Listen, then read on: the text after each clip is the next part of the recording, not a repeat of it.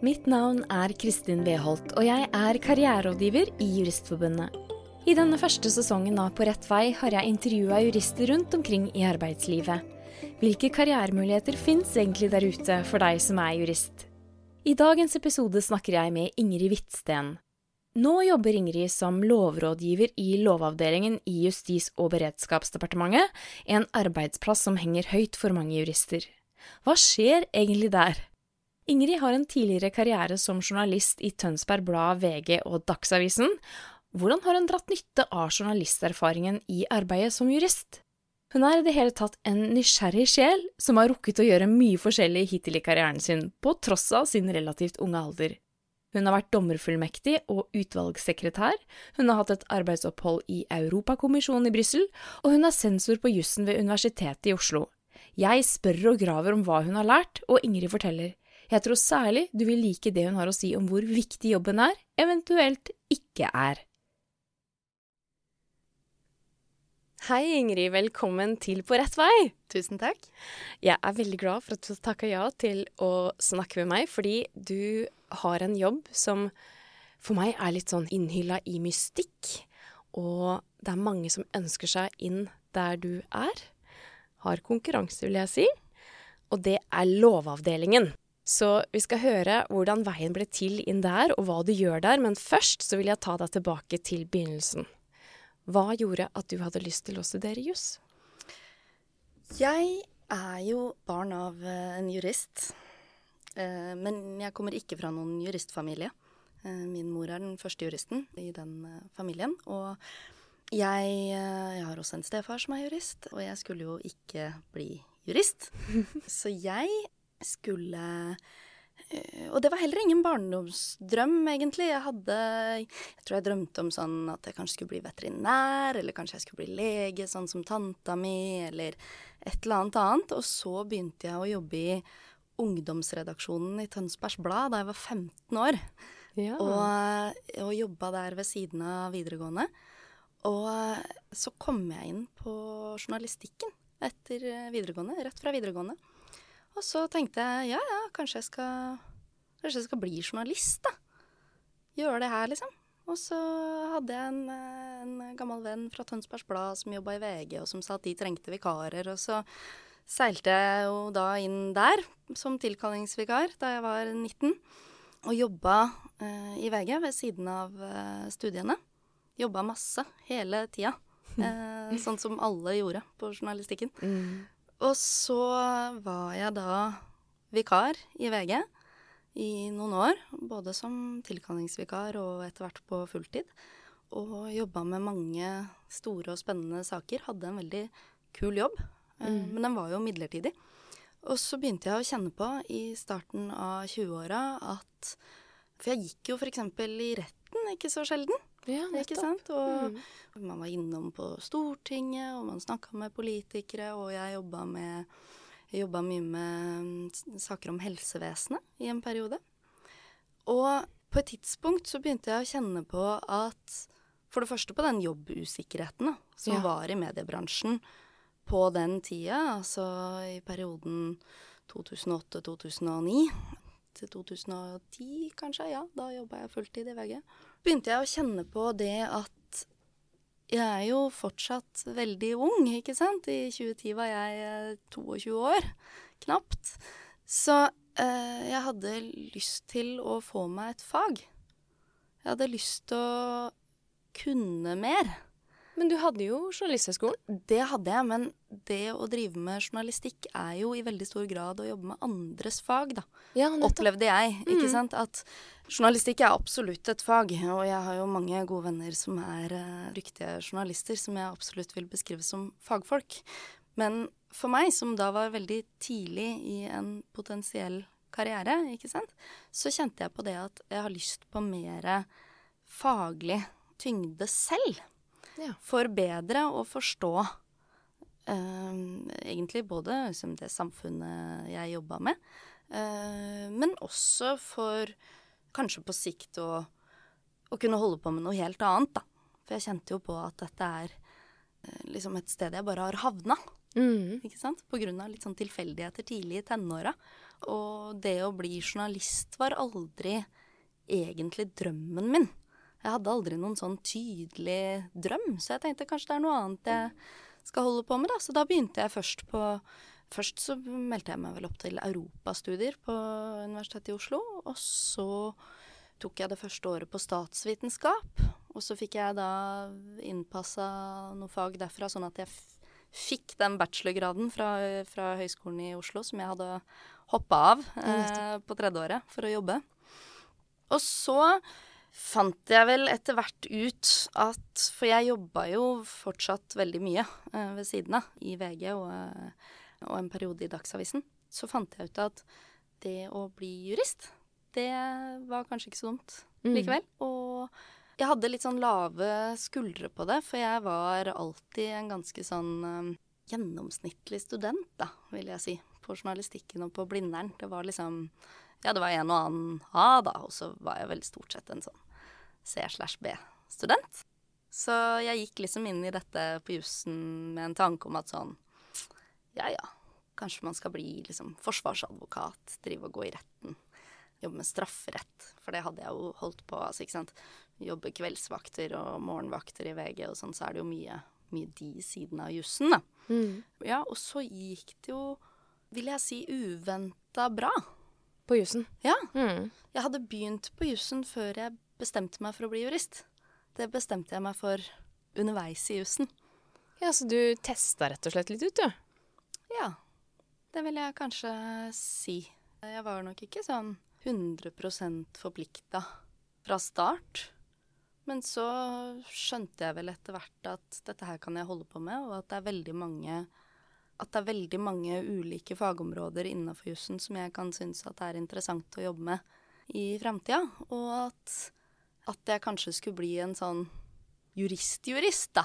Ikke sant? Ikke bare ta det for å uh, ha en formalkompetanse som Altså den derre mastergraden gjør at du kan bli sjef, eller mm. uh, liksom jobbe med et eller annet litt ubestemmelig hvor du, hvor du er en sånn en som sier at du har jussen i bånn. Yeah. Men at jeg kanskje skulle bli uh, ja, jurist-jurist. Mens jeg gikk på jussen, så tenkte jeg nok at jeg skulle praktisere det som advokat, da. Men også det at det gikk opp for meg at det er flere ulike fagområder jeg kan tenke meg å jobbe med, da. Mm. Bortsett fra strafferett, som jeg liksom mista litt uh, lysten på å holde på med. Ja. Så du er ikke den første jeg intervjuer her som har eh, både vært nysgjerrig på juss og journalistikk. Det er flere som har nevnt det. De har vurdert å jobbe som journalist, eller de har jobba som journalist, og så går de jo inn i jussen. Og jeg lurer på hva er det som tiltrekker begge de Altså, jeg har jo selv gjort det. Jeg har jo selv jobba som journalist, og jeg har jo selv studert juss, selv om jeg ikke har fullført jussen. Hva er fellestrekka for deg ved de to jobbene? Jeg tror vel det er den interessen for problemer, kanskje. Det å være nysgjerrig på nye ting, på ting du ikke kan. Det å ikke tenke at en jobb for å være gøy må være noe du kan inn og ut. Mm. Selvfølgelig er det gøy å være flink. Det er gøy å være flink journalist. Det er gøy å være flink jurist. Alle liker å være flinke til ting. Mm. Men jeg tror at det å bli litt inspirert, litt trigga av nye ting, ting du ikke skjønner, nysgjerrig på å både lære nye ting og være komfortabel med å være utafor komfortsonen, da, det tror jeg eh, mange journalister og jurister har til felles. Og altså min kollokviegruppe på jussen, eh, som jeg jo fortsatt har nær kontakt med, de er jo tre tidligere journalister. Ja, nettopp. Vet du hva, her setter du ord på noe som jeg har lyst til å peke på. Mm. Og du sa det. Nysgjerrighet, lærelyst, være utenfor komfortsona. Mm. Jeg er jo over gjennomsnittet opptatt av trivsel i arbeidslivet. Mm. Og det er veldig mange som tror at eh, for å trives, for å ha det bra, for å ha en mm. bærekraftig arbeidshverdag, så mm. trenger man å ha balanse. Mm.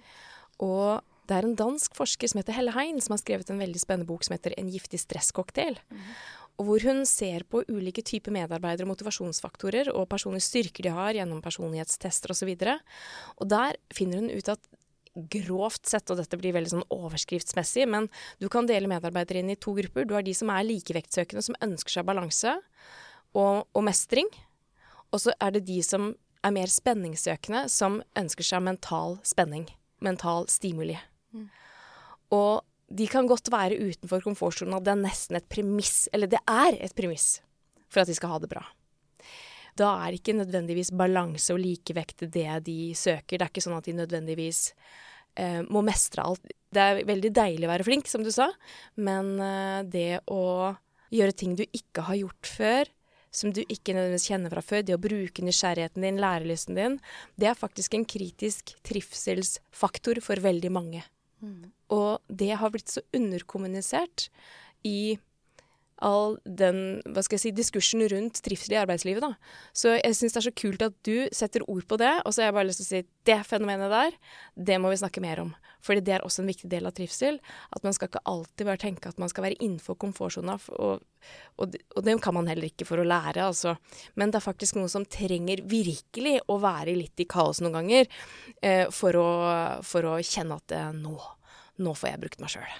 Mm, og jeg syns jo det er, det er, mye morsommere å bli flink enn å være flink. Ah, kul eh, distinksjon.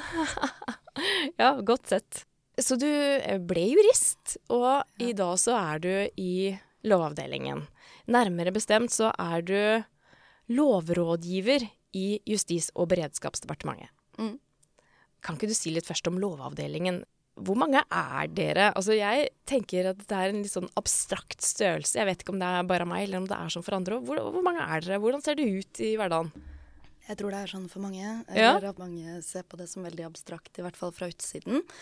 Eh, og Lovavdelingen er jo en litt sånn særskilt konstruksjon i departementsfellesskapet. Vi er eh, rundt 40 jurister. Og så er det da tre enheter. Det er enhet for privatrett, som jeg jobber i hvor vi er en åtte-ti personer. Og så er det enhet for offentlig rett, som er den største enheten. Og så er det enhet for strafferett og prosess. Og enhet for strafferett og prosess har ansvar for straffelovgivningen og prosessregelverket, altså sivilprosessen og straffeprosessen, i tillegg til personvern. Og enhet for offentlig rett har de sentrale lovene og det offentligrettslige området. Eh, menneskerettsloven, forvaltningsloven, offentlighetsloven. Sånne store, viktige eh, lover på det området. Eh, og Enhet for privatrett har ansvar for den sentrale privatretten. Eh, så vi i min enhet så har vi flest egne i anførselstegn lover. Vi har ansvaret for mye privatrettslig lovgivning, da. Kontraktsretten, erstatningsretten, familie- og arveretten, de økonomiske delene. Altså mye privatrettslig regelverk, da. I hver enhet så er det ca. fem lovrådgivere. Lovrådgiverne har såkalt egne porteføljer. Altså vi har ansvar for egne rettsområder, da. Og så er det i tillegg rådgivere og seniorrådgivere, som også er jurister, som jobber innenfor porteføljene til lovrådgiverne. Noen veldig selvstendig i den forstand at man jobber kanskje mye med et felt som seniorrådgiver, da, og lovrådgiveren er mest innom på slutten. Mens på andre områder så har vi en veldig sånn formalisert linjebehandling. Man forbereder utkast som går i linjen som i vanlige fagavdelinger i departementet. Mm. Det som gjør Lovavdelingen spesiell, er jo at Lovavdelingen har en sånn delt rolle. Man er både en ordinær fagavdeling som har ansvar for eh, eget lovverk, og som altså utreder og forbereder lovforslag.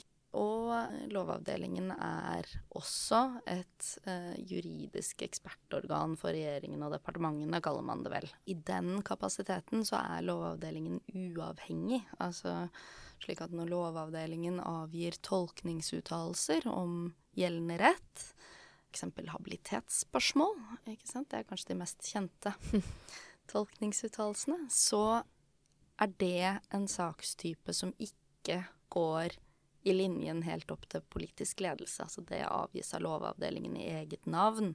Og det samme gjelder med lovteknikker. Altså at eh, alle lovforslag som andre departementer utarbeider, skal via Lovavdelingen til lovteknisk gjennomgåelse. For Lovavdelingen skal bidra til å sikre at lovverket holder god kvalitet, da.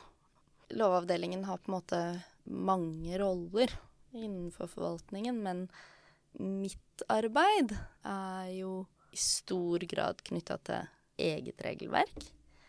Mye samarbeid med andre departementer, da. Jeg har ansvar for å følge opp de økonomiske delene av ekteskapsloven som ligger til Justisdepartementet. Og så har Barne- og familiedepartementet ansvar for de andre delene. Så det er klart at da har vi en del kontakt om problemstillinger som oppstår på tvers. Og så jeg, er jeg ansvarlig lovrådgiver for vergemålsloven, som er den loven jeg kanskje jobber aller mest med for tiden. Og den har jo berøringspunkter til mye annet regelverk, fordi det dreier seg om både barn og voksne, særlig da voksne med ulike former for funksjonshemninger, altså demens, reglene om fremtidsfullmakter, eh, om vergemål for voksne.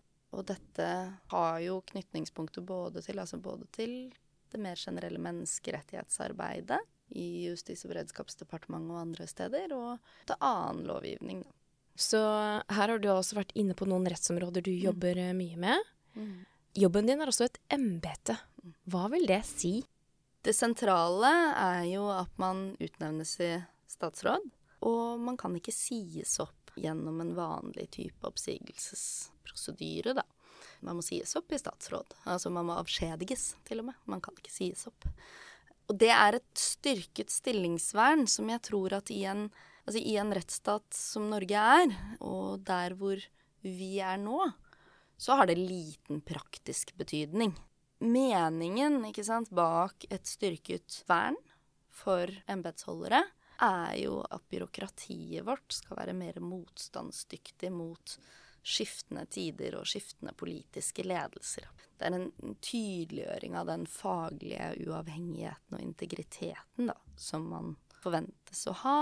Og for min del så tenker jeg vel først og fremst på det som et symbol på det ansvaret som ligger i jobben. Ok, dette her er sånn som jeg ikke har visst, og jeg lurer på om det er mange andre også som ikke vet det. Er det noen faglige kompetanser utenom jussen du bruker særlig mye? Det er det samme, tror jeg, som eh, de tidligere gjestene dine som jeg har hørt på, har sagt. Det er mm. Kommunikasjonsferdigheter. Ja. Jeg kan jo til og med påberope meg en viss formalkompetanse, da, i og med at jeg er journalistutdannet. Ja. Men det er, det er nok det aller viktigste, ja. Og det er Ikke sant, jeg kommuniserer jo med på veldig mange ulike arenaer. Vi har, som alle andre forvaltningsorganer, veiledningsplikt. Slik at med jevne mellomrom så er det jo privatpersoner som ringer med spørsmål om gjeldende rett. Og da må man jo kunne formidle det til dem. Gjerne på en ganske sånn konsis og effektiv måte, da. Klarspråk? Ja, og, og noen ganger så er det krevende, men vi kan ikke løse juridiske problemer for privatpersoner. Av veldig mange årsaker. Det vi kan gjøre, er å veilede om sant, ja, hvor, i, hvor, i, loven finner du reglene om dette, og hvilket forvaltningsorgan kan du henvende deg til, kanskje, på noen områder. ikke sant. Det er jo én kommunikasjonsarena, og så skriver vi jo proposisjoner. Og det er klart at én ting er å, å skrive god juss, men du skal jo begrunne forslag på en slik måte at det går gjennom Stortinget. F.eks. at ulike alternativer kommer tydelig frem. Da. Slik at det er et godt beslutningsgrunnlag for politikerne. Mm. Som jo bestemmer hva de skal gå for. Og så kommuniserer jo jeg en del både muntlig og skriftlig med sivilt samfunn. Vi har en pågående helhetlig gjennomgang av vergemålsloven et arbeid knytta mye til denne konvensjonen om, om, rettighetene til mennesker med nedsatt funksjonsevne. Og det gjør vi gjennom bl.a. dialogmøter. Så jeg ville tro at du tok med deg en del fra journalistikken der. Altså det språklige og ja, det kommunikasjonsmessige. Er det noe annet du ser hadde overføringsverdi fra journalistikken og inn i jussen? Og inn i jobben du har i dag? Det å tåle å stå i ubehag. Ikke sant? Jeg jobber i en profesjonell organisasjon hvor folk behandler hverandre bra. Mm. Og hvor eh, alle er, vil jeg si, høflige, hyggelige og nedpå.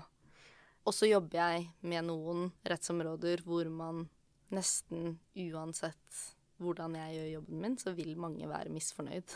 Ja. Og, og det vil komme kritikk uansett, ikke sant? Du er i hvert fall veldig heldig hvis du bare får ros. og det å orke å stå i at noen er veldig misfornøyde med den jobben du gjør, selv om du gjør ditt beste. Mm. Jeg blir i mindre grad enn da jeg var journalist, eh, oppringt og skjelt ut. Særlig når jeg har fri. Skjer det nå i mindre grad. Men det er nok likevel en ting jeg Ja, Jeg har tatt med det. ja det å eh, liksom klare å stå i det. Og det er klart at det, det er jo ikke noe hyggelig. Jeg er nok en eh, sånn people pleaser på noen områder, i hvert fall. Mange oppfatter meg ikke som det. Eh, tror jeg.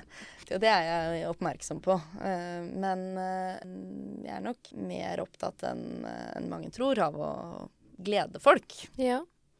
Og det er klart at da kan det jo være krevende å oppleve at det liksom du jobber på områder hvor, hvor det blir masse misnøye uansett. Men det må man stå i. Mm. Det er en del av det. Man vokser på det òg. Ikke sant? Hva er de viktigste personlige ferdighetene du bruker i jobben din? Det tror jeg er det å være sosial og omgjengelig. Det er selvfølgelig farlig å si i tilfelle det viser seg at folk syns at du slett ikke er omgjengelig. Har du noen grunn til å tro at ikke folk syns det? Nei, men jeg har nok litt anlegg for paranoia, så det kunne jo hende. Men jeg tror at det å være blid Mm. og prøve å være hyggelig og ha lave skuldre så mye som mulig Hvordan gjør du det, da? Altså, For det er jo lettere sagt enn gjort. Ha lave Ja, ja. skuldre. Mm. ja, ja, det er kjempevanskelig. Ja. Det, jeg blir jo også stressa, og alle kan jo ha en dårlig dag, liksom. Men det å prøve å tenke at det løser seg Det er ikke liv og død. Og at folk får mer lyst til å samarbeide med deg og høre på deg hvis du er grei. Mm. Og hvis du har som utgangspunkt at andre ønsker å gjøre sitt beste, så tenker jeg jo at det letter samarbeid veldig, da. I tillegg til at man får jo en bedre dag. Det er jo litt sånn banalt, men Jeg syns det er veldig fint det du sier, at du tilskriver andre gode intensjoner. At de bare ønsker For det ser jeg også i mitt yrke, at jeg har nok møtt mange på min vei som karriererådgiver og coach som vil bli beskrevet som vanskelige medarbeidere. Men det er ikke sånn at de er vanskelige, men de kan ha det vanskelig. Og det eneste de lengter etter, det er å komme til sin rett og få lov til å bidra og, og skape noe verdifullt. Så det er viktig å huske på det når man kjenner på gnisninger med kollegaer, og når man også har en dårlig dag sjøl. Men det jeg egentlig bare vil, det er å få til det her, ikke sant. Ja. Og så er jeg superprivilegert, for jeg jobber på et sted med faktisk utelukkende hyggelige kolleger. Ja. Eh, Jeg er i et veldig, veldig godt arbeidsmiljø. Lovavdelingen er et veldig trivelig sted.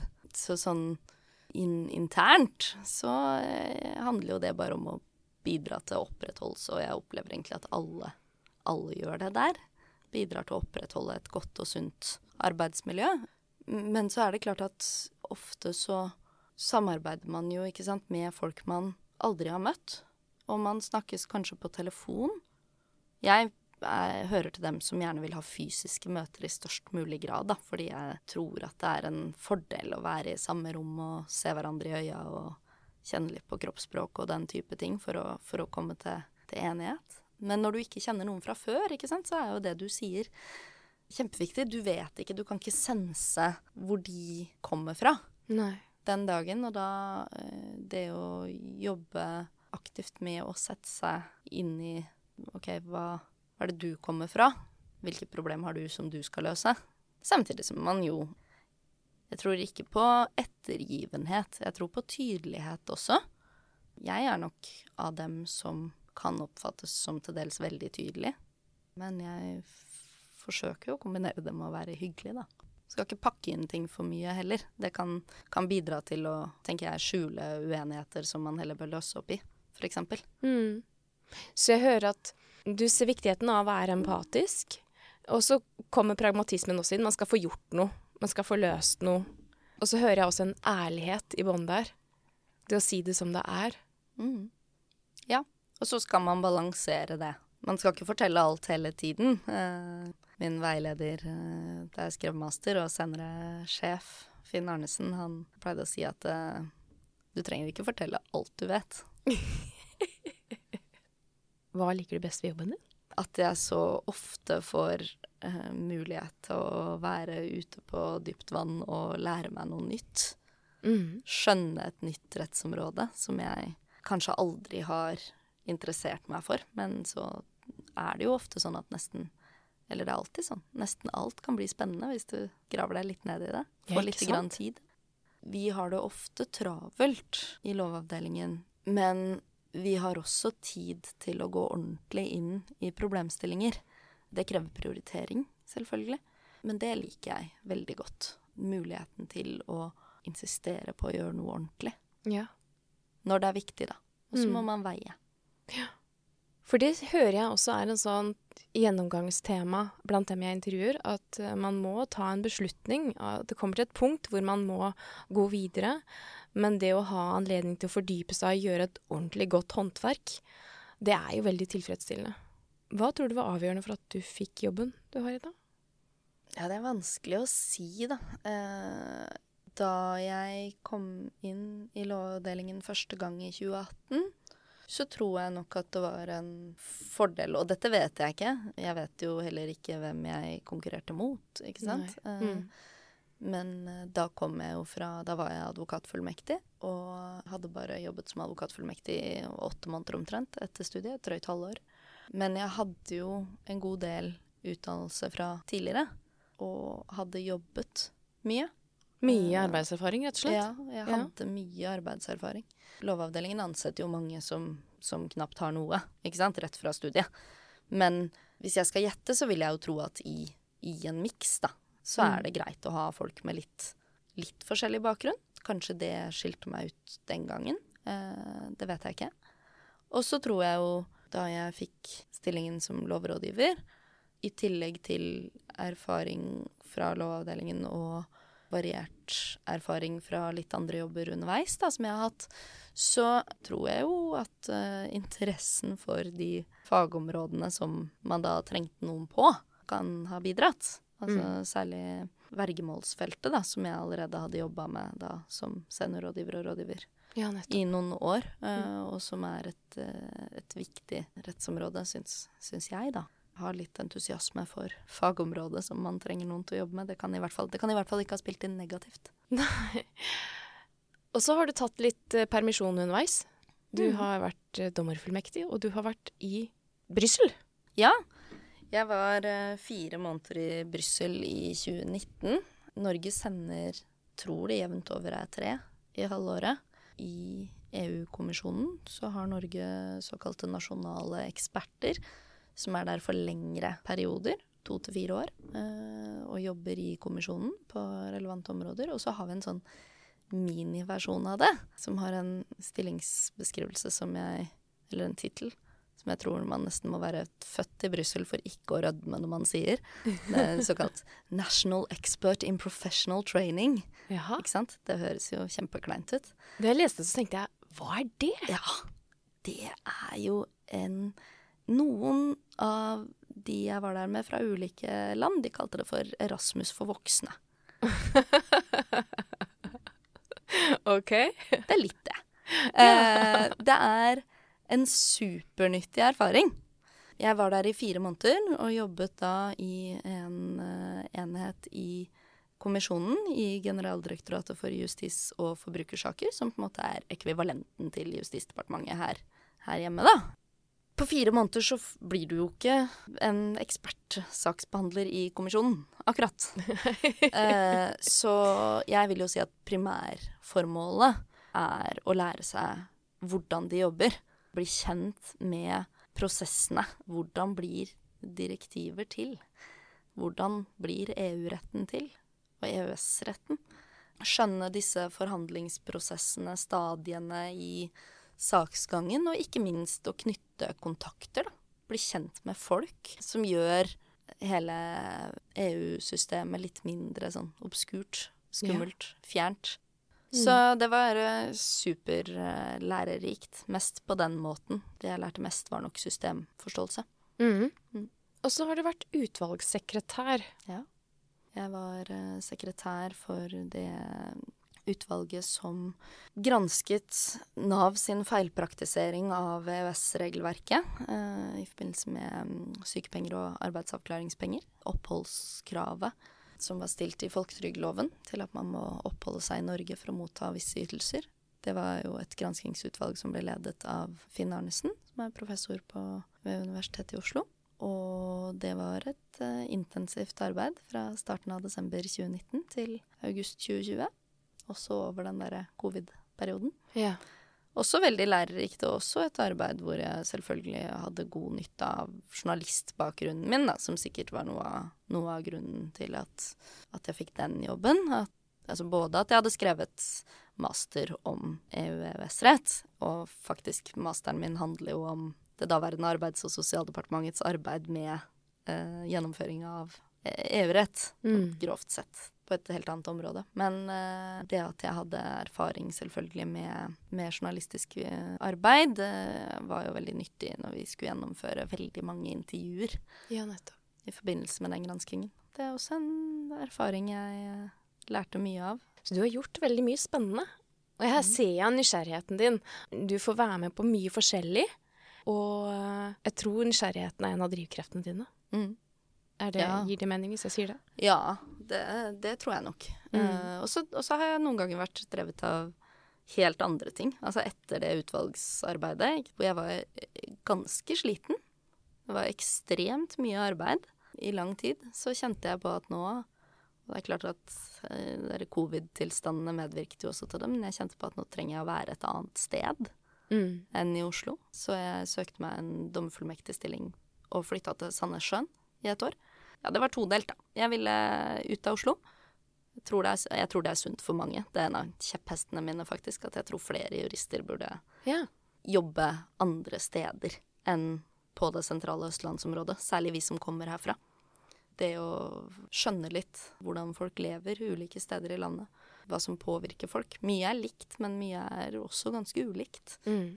Og, og, det var jo også en erfaring som Altså, jeg hadde jo også lyst til å, å være dommerfullmektig, da, og ha den rollen, så du kan si det var jo en nysgjerrighet i det òg, ikke sant. Passer det for meg å jobbe i domstolene? Men, eh, men hovedmotivasjonen var nok gjøre noe helt annet. Være et annet sted en stund. Nå har du jo nevnt flere typer jobberfaringer. Hva har du vokst mest på? Det syns jeg er veldig vanskelig å vurdere egentlig. Mm. Jeg syns det er veldig vanskelig å eh, rangere dem. Jeg tror nok at året så, eh, Altså, jeg var dommerfullmektig i et drøyt år. Det var jo en veldig, veldig, veldig bratt læringskurve. Med veldig begrensa støtteapparat rundt, kan du si. I store deler av den perioden så var det en annen dommerfullmektig og jeg som var fysisk i Sandnessjøen hver dag. Uh, I tillegg til selvfølgelig en uh, flott gjeng med saksbehandlere og uh, administrasjon da, på jobben der i mange måneder.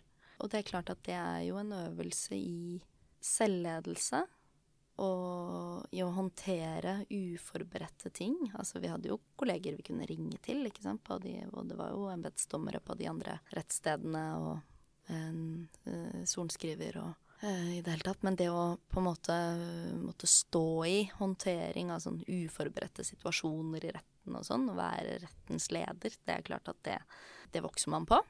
Og så er det jo sånn i domstolene at man drives fremover av frister og løpende oppgaver og enkeltsaker. Og det har jeg ikke nå, på samme måte. Altså, vi har selvfølgelig masse frister og løpende saker eh, og, og, ting som haster osv. Men nå er jeg i mye større grad nødt til å drive aktiv prioritering og selvledelse selv. Skjerme min egen tid til mm. å gjøre de viktigste tingene. Sånn at jeg vil si at de to opplevelsene kanskje i Altså sett i sammenheng, da, er det jeg har vokst mest på.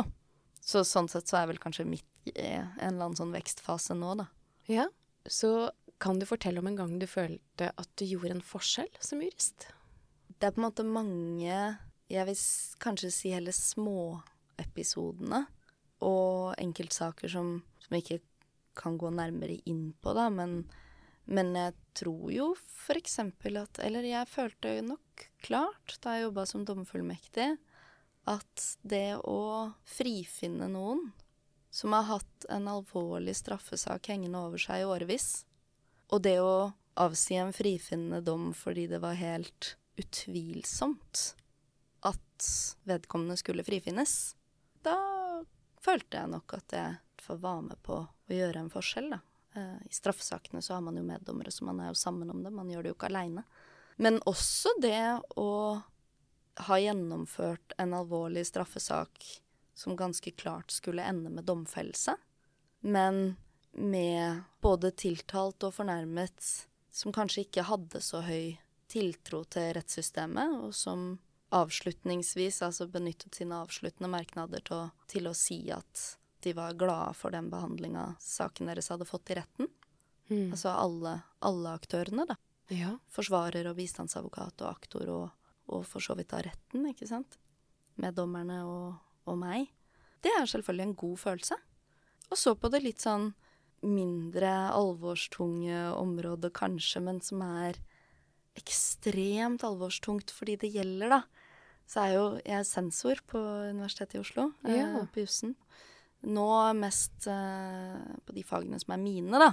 Eller mine, i anførselstegn. De, de jeg jobber mye med familie- og arveretten og tingsretten. Første avdeling. Eh, men jeg har også sensurert en del på, på tredje avdeling tidligere. Og andre og tredje avdeling. Og litt, litt fjerde avdeling, metodefaget. Og det å snakke med studentene, altså i forbindelse med sensurbegrunnelser Mange syns det er fælt med muntlige sensurbegrunnelser. Men jeg syns det er veldig viktig fordi at jeg da kan bidra til også å oppklare litt misforståelser, ikke sant? Både sånn jo, nei, men når jeg sier at det er bedømt på den måten, så betyr ikke det at det var det isolerte poenget som ødela for hele oppgaven din, f.eks. Sånn at, at jeg føler at det bidrar til at de skjønner noe. Ikke sant? Når de sier 'takk, det hadde jeg ikke skjønt', det skal jeg tenke på til neste gang. Da føler jeg at jeg gjør en forskjell sånn på mikronivå. Absolutt. Eh, og kanskje mest de som ringer og er helt fortvila fordi de har fått en karakter de selv opplever som dårlig. Og det er oppsiktsvekkende mange som opplever at en C er en kjempenedtur. Mm. Eller at en D er en krise som er så stor at du må melde deg av undervisning neste semester for å ta opp faget med en gang. Og det å få muligheten til å snakke med dem og si at men du, det der har skjedd med alle. Nesten alle, da. Altså, det har i hvert fall skjedd med meg. Og det gikk jo bra med deg, Ingrid. Ja, ikke sant? Og da føler jeg noen ganger når, liksom, når du hører at folk faktisk Altså, det er en del som er helt på gråten. Ja. For det blir så stort, ikke sant? For du er så opptatt av å bli en god jurist.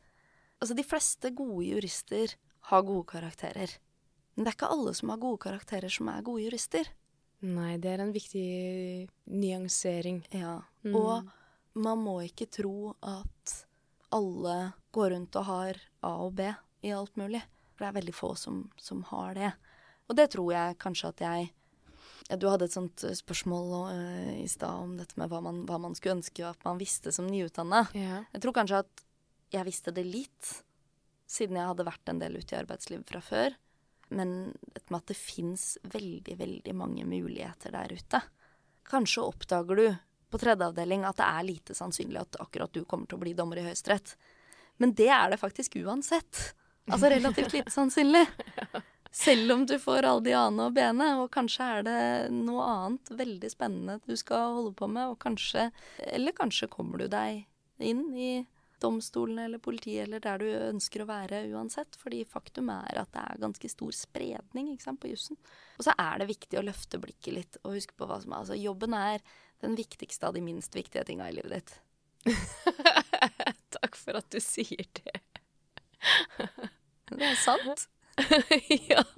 Det føles ikke alltid sånn, da.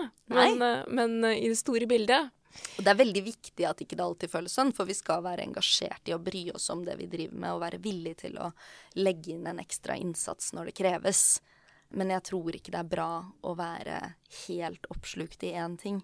Jeg tror at uavhengig av om du er advokat eller dommer eller jobber i forvaltningen, så er det viktig å ha andre ting i livet sitt som er viktig for deg.